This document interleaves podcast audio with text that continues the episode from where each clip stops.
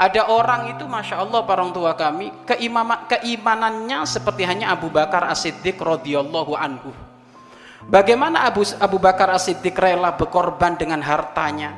Sampai disebutkan hij, cerita hijrah Sayyidina Abu Bakar As-Siddiq Beliau itu kan membawa duit zaman itu. Hijrahnya Nabi Muhammad itu kan Kalau kalender masehinya Kalender masehinya itu kisaran beliau itu hijrah di tahun 622 Masehi. 622 Masehi. Zaman itu Abu Bakar As-Siddiq membawa hartanya semuanya dipakai untuk hijrah dengan Rasulullah. Kisaran duit yang beliau bawa saat itu adalah 3 miliar. 3 miliar zaman itu. 622 Masehi. Bayangkan kalau sekarang sudah berapa itu? Sehingga anaknya keluarganya nggak ditinggalkan apa pun. Kok bisa Abu Bakar As-Siddiq kayak gitu? Yakin kepada Allah. Sehingga pol-polan kalau berjuang di, di, di jalan Rasulullah itu pol-polan. Ini wilayah hebat ini Abu Bakar As-Siddiq. Dan memang Abu Bakar As-Siddiq ini termasuk adalah orang yang jika Nabi Muhammad berbicara beliau nggak panjang lebar pasti percaya sudah ini kehebatannya Abu Bakar Asid As-Siddiq. Sehingga apa? Keimanan beliau, keyakinan beliau itu lebih mendahului daripada nalu, uh, daripada cara pikir beliau.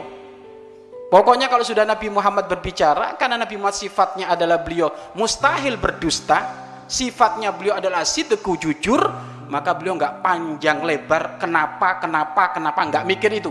Pokoknya percaya. Nah ini Abu Bakar Asid As-Siddiq, wilayah yakin Loh, manusia kalau berada di wilayah keyakinan seperti hanya Abu Bakar Siddiq ini wilayah hebat ini. Wilayah he, hebat. Dan kita mengadakan majelis seperti ini, ini kan pengokohan hati. Pengokohan hati untuk masuk kepada wilayah Abu Bakar Siddiq ini. Sehingga ada sebagian orang itu Bapak Ibu, Masya Allah. Walaupun berangkat jauh-jauh dari ujung kulon sana atau ujung timur sana, pagi berangkat di majelisnya guru kita Buya sore nyempetin ke sini bahkan nanti kalau ada maghrib ada majelis lagi di beliau datang lo kok bisa beliau merasa seperti itu? Padahal beliau capek. Yakin? Gitu loh. Yakin apa? Ada pahala Allah. Yakin itu semuanya dihitung oleh Allah. Nggak mungkin disia-siakan oleh Allah. Ya kan? Lah wilayah yakin kayak gini ini wilayah hebat ini. Lah majelis kita majelis hikam ini majelis menuju kita berada di wilayah keyakinan. Lo orang kalau sudah yakin kepada Allah seperti ini imannya kokoh kepada Allah seperti ini nggak pernah hitung-hitungan. Nggak mau. Hitung-hitungan itu nggak mau. Yang ada itu gaspol untuk kepentingan Allah subhanahu wa ta'ala. Bagaimana Abu Bakar As-Siddiq rela beliau bertahan hingga berkali-kali dientup kala jengking? Dalam riwayat berkali-kali digigit ular hanya ingin menjaga Rasulullah agar supaya tidak digigit ular. Bapak Ibu tahu nggak digigit ular? Pernah digigit ular? Nanti nyari ular, nyoba aja itu. Kalau enggak jangan ular wis tawon itu aja itu. Tawon itu coba itu taruh tawon itu untuknya itu taruh di tangan jenengan. Nyet itu kayak apa rasanya? Kalau ternyata nanti tangan jenengan enggak memar, enggak apa? Enggak apa itu?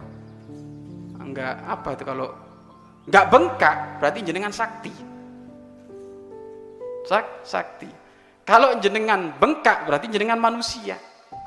Itu satu sengatan menjadikan bengkak apalagi kalau tawon yang gede itu tawon apa? Tawon go gitu. Iya kan kan punya oh, itu lebih parah lagi itu. Abu Bakar Siddiq dientup berkali-kali. Dientup berkali-kali tapi beliau bertahan nggak mau bergerak Kenapa?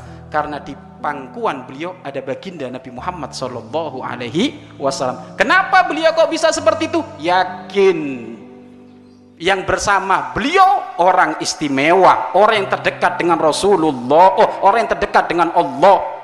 Maka beliau nggak masalah kayak gitu. Ya inilah ini wilayah para sahabat ini, wilayah keyakinan. Lah di bawah itu, di bawah yakin zon tadi itu. Praduga kuat. Pradugaku kuat. Yang hadir di majelis ini memiliki praduga yang kuat. Apa? Saya hadir ke majelis. Ada praduga kuat. Bahwasanya di sini ada rahmat Allah ada ridho Allah. Atau ada praduga kuat nanti ketemu anak. Nah, ini ada lagi. Praduga kuat ketemu ketemu anak. Hitung-hitung apa? Hitung-hitung sekalian sambil ngaji. Kan gitu. Nggak mungkin dia nggak datang kalau nggak ada praduga kuat seperti itu. Lah ini don don itu masih bagus yakin masih bagus. Lah di bawahnya ini yang bahaya. Syak keraguan-raguan ini yang bahaya.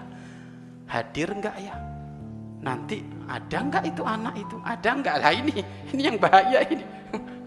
Ya kan? Nah ini ini kalau sudah keraguan-raguan bahasa orang Jawanya mamang. Ya kan? Ragu-ragu masuk kepada wilayah was-was. Kalau sudah masuk kepada wilayah was-was itu nanti penyakit